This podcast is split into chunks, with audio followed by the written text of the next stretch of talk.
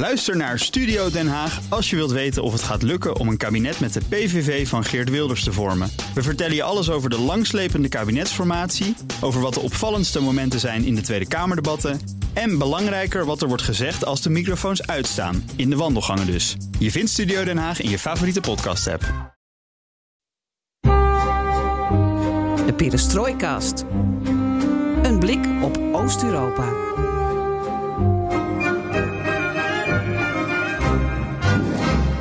Welkom bij BNR Perestrooikast, aflevering 183 van de enige podcast van Nederland die volledig oog voor het oosten heeft en geeft. Nog even zonder de vakantievierende Geert-Jan, maar wel met Michel Krielaars, oud-correspondent voor NRC in Rusland en dit weekend alle gebeurtenissen daar nauwlettend volgend. Welkom Michel. Um, ja, goedemiddag. Dag. We kunnen eigenlijk deze extra podcast eigenlijk maar... Ja, we kunnen het over maar één ding hebben en dat is Prigozhin's muiterij. En we gaan eigenlijk inzoomen, Michel, in ongeveer 20 minuten uh, op de vraag... Wat is, nou, wat is dat nou voor een afspraak tussen Poetin en Prigozhin? Dat hoor je zometeen na de Kalinka-klap. Ik ben Floris Akkerman en dit is BNR Perestrooikast.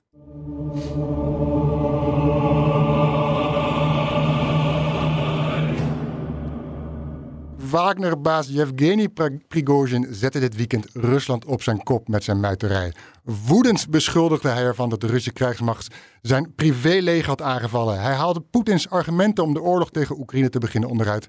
En zijn huurlingenleger nam een militair hoofdkwartier in Rostov aan het Don in. Tot slot leek hij met zijn leger opdrukken naar Moskou. Maar hij bereikte de hoofdstad niet. Hij zag af van zijn mars naar Moskou en draaide zich om. Aan de basis van deze beslissing zou een afspraak liggen tussen hem en Poetin na bemiddeling door de Belarusische president Alexander Lukashenko. Zo zou Prigozhin worden verbannen naar Belarus en zouden zijn mannen niet worden vervolgd voor die muiterij. Welkom Michel, Michel Krielaars, oud-Rusland-correspondent voor NRC en schrijver van boeken over Rusland als De Klank van de Heilstaat en Het Brilletje van Tsjechov. Ik zou ze als luisteraar meteen aanschaffen als ik ze nog niet heb. Uh, Michel, je schreef dit weekend een prachtig stuk voor de krant, voor NRC, over dat Poetin de opstand van Prigozhin en de verdeeldheid binnen de machtselite aan zichzelf heeft te danken. Um, je zat op het puntje van je stoel dit weekend om alles te volgen? Ja, ik, was, ik werd toen zes uur s ochtends uh, kreeg ik een, een uh, WhatsApp binnen van de correspondent van NRC in Moskou, even Kukier. Mm En ik zat meteen rechtop in mijn bed en ik ben meteen alles gaan volgen. En het deed me heel erg denken aan twee eerdere koeps die ik heb meegemaakt. Die van 1991 tegen Gorbachev en die van 1993 tegen Yeltsin. En het was, ik werkte toen op de buitenlandredactie van een voorganger van Nieuwsuur. Nova heette dat programma. En het was weer net zo spannend. Je wist niet wat er speelde. Je wilde erbij zijn. Uh, je zat op het puntje van je stoel. Want je dacht, verdomme, straks wordt die Poetin echt afgezet. En dan krijgen we er een nog engere uh, kerel voor in de plaats. Want dat is die Prigozhin, dat is toch een echt een, een zware crimineel. Ja, dat is, uh... en, uh, daar, daar, moet je er ook niet aan denken. Nee, nee, dan weet je wel helemaal niet aan, uh, aan welke duivel je bent overgeleverd. Um, hij leek te beginnen aan een opmars hè, naar Moskou, maar staakte die, draaide zich om met zijn, met zijn huurlingen. Um, aan de basis daarvan, wat ik al net al zei, zou een afspraak zijn tussen Prigozhin en Poetin met eh, onder leiding van bemiddeling van Lukashenko. Wat, wat kunnen we uit die afspraak opmaken? Is die wel, wat, wat, wat weten we daarvan eigenlijk? Nou, helemaal niets. Kijk, het enige wat je kunt zeggen dat het merkwaardig is, dat Poetin niet zelf heeft willen onderhandelen mhm. met Prigozhin. En dat is eigenlijk ook logisch, want hij is de president. Hij gaat niet met een muiter, een lagere uh, officier, zullen we maar zeggen, onderhandelen. Dus mm heeft hij uh, Lukashenko naar voren geschoven. Een vrij domme man. Van wie je ook afvraagt waarom hij in godsnaam, waarom niet iemand die hij vertrouwt uit de FSB. Dat heeft hij dus niet gedaan. Het raadsel is dat uh, Prigozhin uh, een vrije aftocht kreeg. Hij is, hij, hij is trouwens helemaal niet, zat, hij zat niet in dat konvooi dat naar Moskou reed. Hij bleef gewoon in Rostov aan de Don, uh waar het opperbevel zat. En het is ook niet zo dat hij met 10 of 20.000 manschappen nee. op Moskou afsteven. Dat waren er blijkbaar zo'n 5.000. Dus het, het blijft natuurlijk een enorm raadsel. Mhm. ik, ik, blijf erbij dat hij waarschijnlijk hoopte dat hij op een gegeven moment bijval zou krijgen van uh, legereenheden. En zoals het vaker gaat, en dat weet ik uit 1991 en 1993, generaals zijn altijd heel erg afwachtend. Mhm. Die kiezen echt, die wachten tot er het winnende paard in zicht uh, komt. En ze zijn natuurlijk bang, want stel dat ze zich tegen Gorbachev zouden keren, nou dan zouden ze allemaal de doodstraf krijgen. Uh, ze hebben het dus niet gedaan. Ze hebben blijkbaar toch het gevoel gehad dat die Prigozhin geen kans maakte. Mm -hmm. En uh, toen hebben ze op een gegeven moment, vermoed ik, onder druk gezet. Want wat moet je met 5000 man als, als je geen bijval krijgt van andere legerkorpsen en van de FSB? Vergeet die niet. Hè? Want die wil je natuurlijk aan je zijde hebben om zo'n Poetin een mes in de rug te steken of om af te zetten en met pensioen te sturen. Mhm. En dat is dus niet gebeurd, dus we weten het niet. En het interessante is dat Prigozhin sindsdien ook nergens te bekend Nee, is. nee, nee. Het schijnt dat Wagner nog gewoon in Oekraïne is. Ja. Hij is gisteravond onder veel eh, toejuichingen vertrokken uit Rostov aan het Don. Ja. Dat ook weer veelzeggend is. Want je Ja. ziet ineens jonge mensen, zag je allemaal op die beelden, die dus blijkbaar allemaal tegen Poetin zijn. Die geen zin hebben om als kanonnenvoer eh, naar het front in eh, Oekraïne te gaan. Die gewoon denken, dit is een kerel, de Maladjets. Deze moeten we hebben, laat hem maar de macht overnemen. Ja, dus- dus het is natuurlijk voor Poetin ontzettend... Ja, het is een penibele situatie. Ja, Prigozhin toch, ja, in de oorlog tegen Oekraïne heeft hij zich toch ja, een soort van man van het volk. Hij staat aan het front, hij vecht tussen de jongens. Althans, dat, dat lijkt zo. Dat is heel wat anders natuurlijk dan, dan de legerleiding die hoog en droog in Moskou zit. Dat, dat spreekt natuurlijk meer aan onder Russen dan, dan die twee mannen, eh, of de- dan, de, dan de mannen die eh, leiding moeten geven aan het eh, Russische leger. Ja, en dat heeft natuurlijk ook iets heel raars. Want Prigozhin hebben we al, al maandenlang zien we die in, eh, in gevechtsuniform. Terwijl het toch gewoon een chef-kok is. en een vrouwenverkrachter, geloof ik. En een moordenaar. Ja. En ineens kan hij vechten. Maar hij staat wel voor zijn mannen. Ja, en hij ja. heeft voortdurend zich beklaagd over het feit dat ze geen munitie hadden. Mhm. Dat ze geen genoeg proviant hadden. Noem maar op. Dus hij wordt op handen gedragen. En hij heeft natuurlijk ook duizenden tuchthuisboeven eh, uit het gevangen gehaald. Als Mhm. ze maar met hem kwamen vechten. En het zijn niet de slechtere troepen, want ze zijn gemotiveerd. Ze zijn eh, redelijk goed uitgerust. Ze hebben ervaring. Nee, ze zijn bij bosjes gestorven. Ja. Bij Bachmoed zijn er 20.000 gesneuveld. Ja. En ja, dat hij heel erg boos was. Ik denk dat hij zich op een gegeven moment echt zo'n eh, nou ja, zo'n poetspleger... eh, dat hij zich zag als degene die... Ik ga naar Moskou en ik ga Gerasimov, de stafchef... en de minister van Defensie Shoigu afzetten. Maar dat slaat natuurlijk nergens op. Als je zoiets doet, dan wil je ook de president afzeggen, Ja. afzetten. En dat is op een gegeven moment ook gebeurd. Hè? Een bericht van de, op de Twitter-account of de eh, eh, Signal-account van eh eh, Wagner. Daar, stond op binnenkort. We gaan niet akkoord met de eisen van Poetin. Binnenkort hebben we een andere president. Ja. Nou ja, en dat- dat zijn natuurlijk al eh, genoeg. Ja, nou zit die president nog steeds, Poetin. Oh, sorry, ga je gang. Deze, die, die, is, die is ook Fuji. Niemand heeft Poetin gezien sindsdien. Nee, hij heeft alleen die, die om Ik ne- denk dat ochtends- Poet- als ik mag onderbreken, hij alleen nog 's ochtends een, eh, een toespraak gehouden. Hè, waarin het had over die dolkstoot in de rug. En daarna is hij eigenlijk vrij stil gebleven. Ja, en je vraagt je af waar hij nu zit. Want ik denk dat voor Poetin ook geldt dat hij nu zijn, eh, eh, aan het uitzoeken is wie hem steunde en wie niet. Want hij is natuurlijk slim genoeg. Een- behoorlijk deel van de elite heeft het eerste beste vliegtuig vertrokken en is naar Turkije gegaan of naar Dubai. Medvedev wordt genoemd. Nou, dat is dus een afvallige. Dus ik denk dat we nu een tijd van repressie krijgen binnen de machtselite. En reken maar dat Poetin heel erg boos is. Want het is natuurlijk een, een, een slimme, eh, scherpe, eh, nou, niet een domme man, maar hij is zeer wraakzuchtig. Ja. Geen genade voor verraders, roept hij altijd. Maar als hij zo wraakzuchtig is, dan lijkt nu Prigozhin lijkt ongestraft te blijven voor die muiterij. Er zou wel een strafzaak nog in de, in de maak te zijn, maar als ja, Poetin berucht om zijn genadeloze hand, lijkt hem in eerste instantie hiermee weg te laten komen. Dat, dat, dat wekt Nee. nog verbazing Ja, op. dat is ook weer raar. Dat is ook weer raar, want de FSB wil een strafzaak tegen Prigozhin opnemen. En Poetin eh, heeft daarvan afgezien. Dus ja, wat gaat er nu gebeuren? Trouwens, waar, waar, wat gaat Prigozhin doen in Belarus? En Ja. Dat is natuurlijk ook nog de vraag. Wat gaan die soldaten allemaal doen? Gaat hij daar gewoon een legertje eh, opnieuw samenstellen en vanuit daar, eh, eh, daarvan uit Oekraïne binnenvallen? Want hij is natuurlijk, vergeet niet, dat hij ook voortdurend riep van wij moeten de Russische landen terugveroveren. Dus hij is geen haar beter dan Poetin op dit moment. Dus ja, we, we weten het niet. Ik las ook ergens een bericht, dat is eenmalig, dat hij in Wa- Voronezh, en dat is een stad waar kernraketten staan eh, opgesteld, dat hij die kernraketten in handen heeft gekregen. En er zei dan weer iemand, blijft natuurlijk allemaal speculeren, die zei, het ging hem helemaal niet om Moskou. Hij heeft kernraketten en daarmee kan hij Poetin chanteren. Ja, ja. Dus ja, we, we- we- het is in duisternis gehuld. En we krijgen natuurlijk, dit, dit, dit verhaal krijgt nog een vervolg. ja want Het is ook, nog lang niet afgelopen. nee, want ook binnen de Russische staatsmedia klinkt eh, de verontwaardiging door over hoe Prigozhin vooralsnog eh ongestraft kan eh, wegblijven. Ehm, daar pleit ze eigenlijk voor zelfs eh, hardere maatregelen. Ik laat even een fragment horen van de Russische televisie eh, eh, gisteren. Daar pre- pleit een Russische parlementariër ervoor dat Prigozhin eh, en iemand anders eh, de kogel moeten krijgen.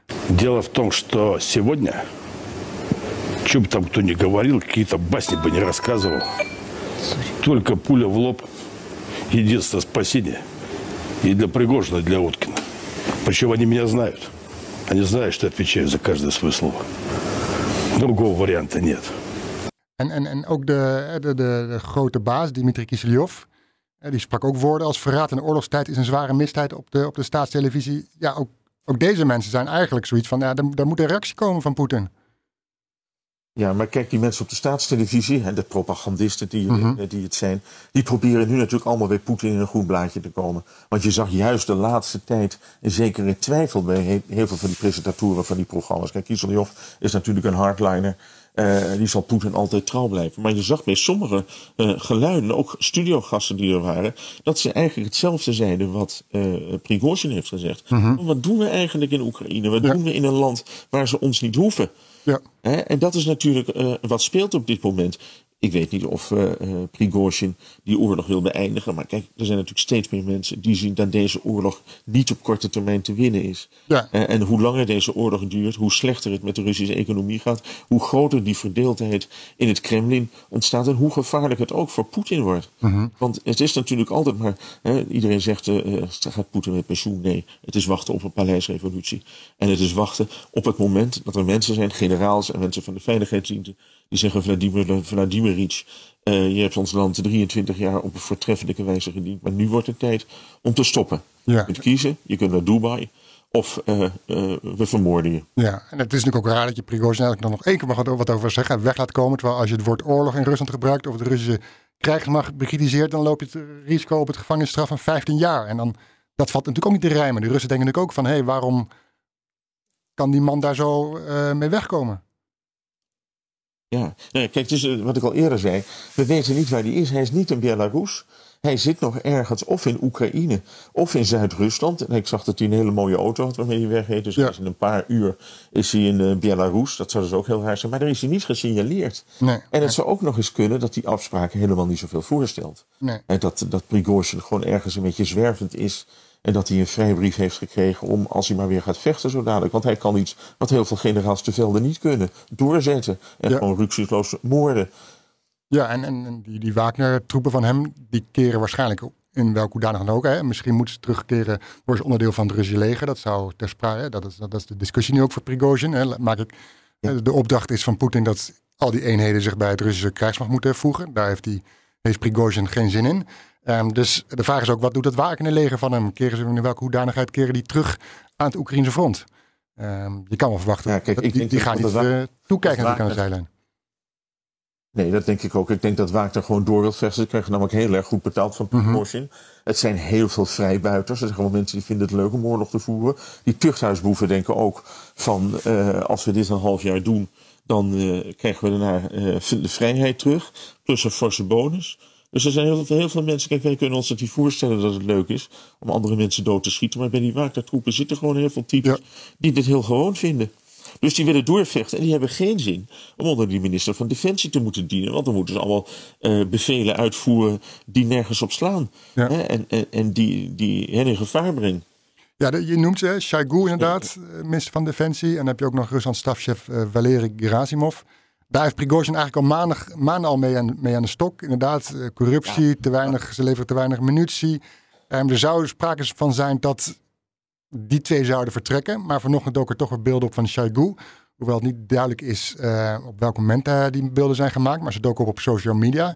Ehm, het lijkt er nou niet echt op dat er dus een, schone, een grote schoonmaak komt in die legerleiding. Dus, het- dus als het stof is Nee, dat denk ik niet. Kijk, Ja? ja, ik denk dat Shoigu eh, is een goede vriend van Poetin. Ja. Nog uit de tijd dat hij eh, eh, minister van noodsituaties was. Een soort ja, rampenbestrijdingsdienst. En die kunnen het heel erg goed vinden. En Poetin is altijd heel erg trouw aan zijn vrienden. Mhm. Dus hij zal eh, Shoigu niet laten vallen. Gerasimov is voetje.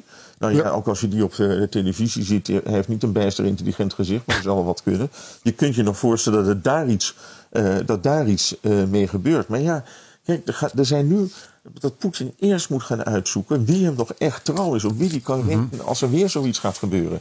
Ja. Het is natuurlijk niet uitgesloten dat er op een gegeven moment nog een keer een, eh, een generaal of een, eh, een, een eenheid in opstand komt. En ik denk altijd, dat schreef ik ook in mijn stuk aan de Russische revolutie. Op een gegeven moment was het voor de soldaten eh, die ook bij bosjes stierven aan het front in de Eerste Wereldoorlog, was het in februari 1917 ook genoeg.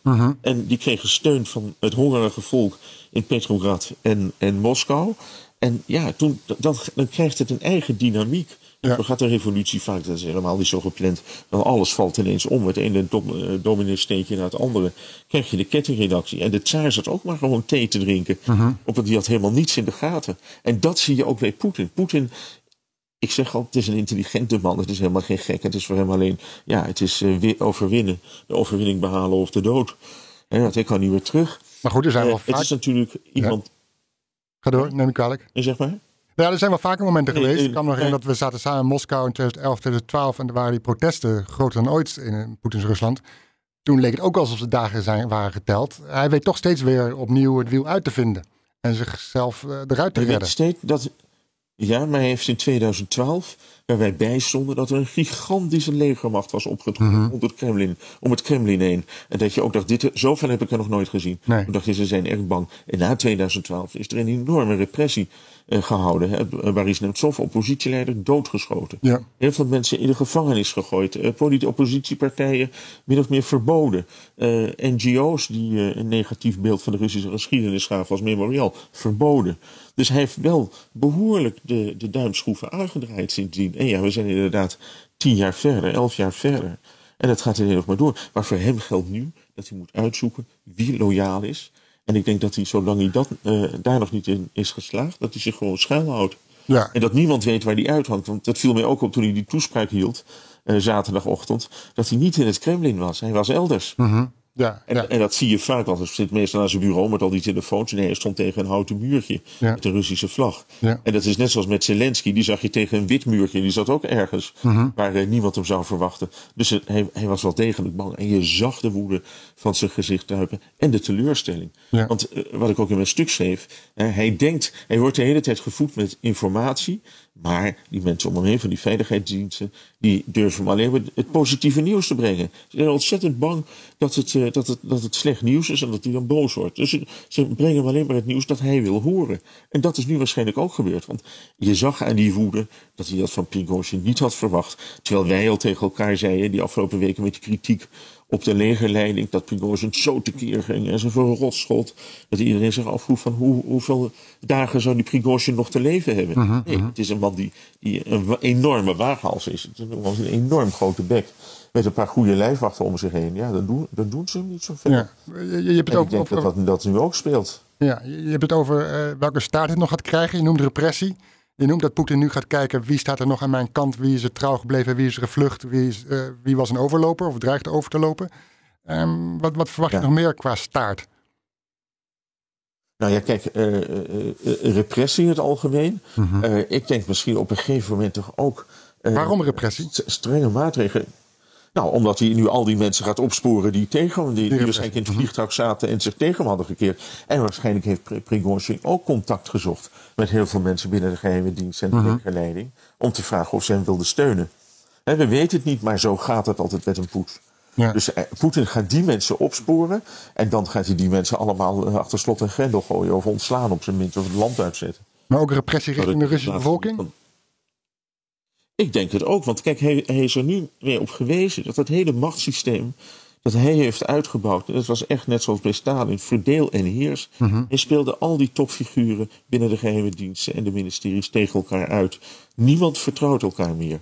De ene geheime dienst luistert de andere geheime dienst eh, eh, af. Ja, op zo'n manier kun je natuurlijk niet eh, vertrouwen op de inlichting die je krijgt. Dus hij heeft een, ja, ik, ik schreef in mijn stuk ook, hij heeft met Prigozhin, die hij natuurlijk ook gekweekt heeft, want het is gewoon een irregulier leger, dat de vuile klusjes voor het Kremlin, Kremlin kon opknappen. Zo is dat gegaan. Hij dacht, die Prigozhin blijft mij tenminste altijd trouw. Nou, dat Ja, is dus niet ja. het geval. Maar eh, Dus het is voor hem een enorme deceptie. over, over de Russische En dan bevolking? krijg je misschien een echte... Ja, Ja, de Russische bevolking. Ik, had- ik had gisteren een paar vrienden in Moskou aan de telefoon.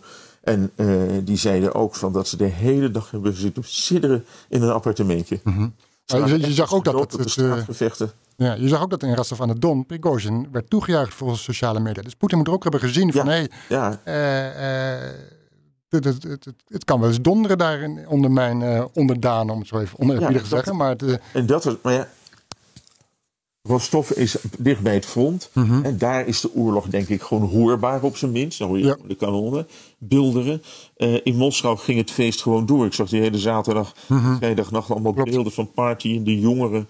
En dat is in Moskou altijd. Maar ja, dan denk ik dat is ook een eigenschap van de revoluties in Rusland.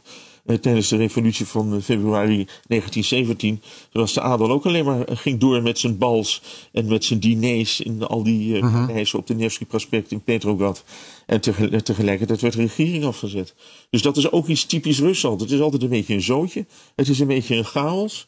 En eh, ja, tussen al die bedrijven door kunnen de meest vreselijke dingen plaatsvinden. En ik denk wel dat, als, dat, het, dat de bevolking. Kijk, hij heeft Rostov gezien, de bevolking daar in de provincie. die gewoon staat te juichen voor Prigozhin. Nu denk ik niet dat veel ontwikkelde eh, eh, Russen in Moskou. Zo'n Prigozhin als president willen. Dan wordt het alleen nog maar erger. Dat Ja. echt een dictator. Ja. Maar ik denk dat Poetin nu, ja, je weet het niet. misschien gaat hij zich ook wel richten tegen eh, de kunstenaars, tegen schrijvers die niet. Trouwens, kijk, Stalin was ook een behoorlijk paran- paranoïde iemand. Zo Ja. iemand zou Poetin nu ook kunnen worden. En dan is natuurlijk de hele samenleving eh, is daar het slachtoffer van. En dan krijgen we een nieuw soort Noord-Korea. En dat is eigenlijk iets wat eh, rond 2010 heel veel van mijn Moskouse vrienden zeiden. Die zeiden altijd, jullie correspondenten gaan op een gegeven moment weer naar huis. Eh, wij blijven hier met de gebakken pieren zitten. Ja, ja. En het zou ons niets verbazen als we eindigen in een Noord-Korea. Nou, dat Noord-Korea is nu meer in zicht dan, ooit tevoren. ja. Spookt Ja. door je hoofd, hè? dat wordt gesuggereerd dat dit één groot toneelstuk was opgezet. Leidend tot iets wat we nog niet weten of wat we nog niet kunnen beschouwen. Nee, want dan denk ik dat, dat eh Waker ook niet eh, drie helikopters had neergeschoten en een vliegtuig met eh, tien man personeel aan boord. Mhm. En dat is natuurlijk ook wat het leger nu eh, Prigozhin heel erg kwalijk neemt. Ja, plus, plus ze, waren wel degelijk op weg naar, ze waren de- Mhm. degelijk op weg naar Moskou. En ja, er is iets misgegaan wat we nog niet weten. Ik hoop Ja. dat, we het, dat we het gauw eens te weten komen. Maar het is geen toneelstuk, het is echt gemeend. Oké. Dankjewel Michel Krielaars, oud-correspondent eh, in Moskou voor NRC en schrijver van een geweldig boek over Rusland als de klank van de helstaat en het brilletje van Tsjechov. En als ik me niet vergis, komt er weer wat moois aan. Toch? Zo is het. Oké, dankjewel. De geschiedenis van Rusland. Ja, oké. Oh ja, dat hebben we ook nog. Welk boek was dat? Het laatste boek ook alweer? Noem dat nog eventjes. Een, een cultuurgeschiedenis van Rusland aan de hand van een reis over de Wolga. Aha, klopt. Maar je was, onlangs had je ook nog een ander boek uitgebracht in samenwerking met Eva P. Ja, dat was, eh, de- ja, dat was met mijn goede vrienden Eva Peek en Hans Driessen. En dat was het boek, eh, eh, hoe heet het? In, di- in dit land bestaat God op aarde. eh, ooggetuigenissen van de Russische geschiedenis. En het zijn echt ooggetuigenverslagen vanaf het jaar 1000 tot aan gisteren, zullen we maar zeggen. En ja, als je dat hebt gelezen, dan zie je eigenlijk dat deze hele mislukte poets in het patroon past. Dat het wel vaker zo is gegaan. Ook altijd met een enorme rotzooitje. En daarna weer een enorme repressie. En een hele enkele keer is er een verlicht decennium waar een beetje een liberaal klimaat is. Het was onder eh Yeltsin. En eh, dat was een klein beetje onder Medvedev. Maar ja, die tijden zijn voorbij. Ja, dankjewel in ieder geval, Michel. En eh, tot snel. Dankjewel. Dat is Floris. Калинка, калинка, моя, в саду ягода, малинка, малинка моя.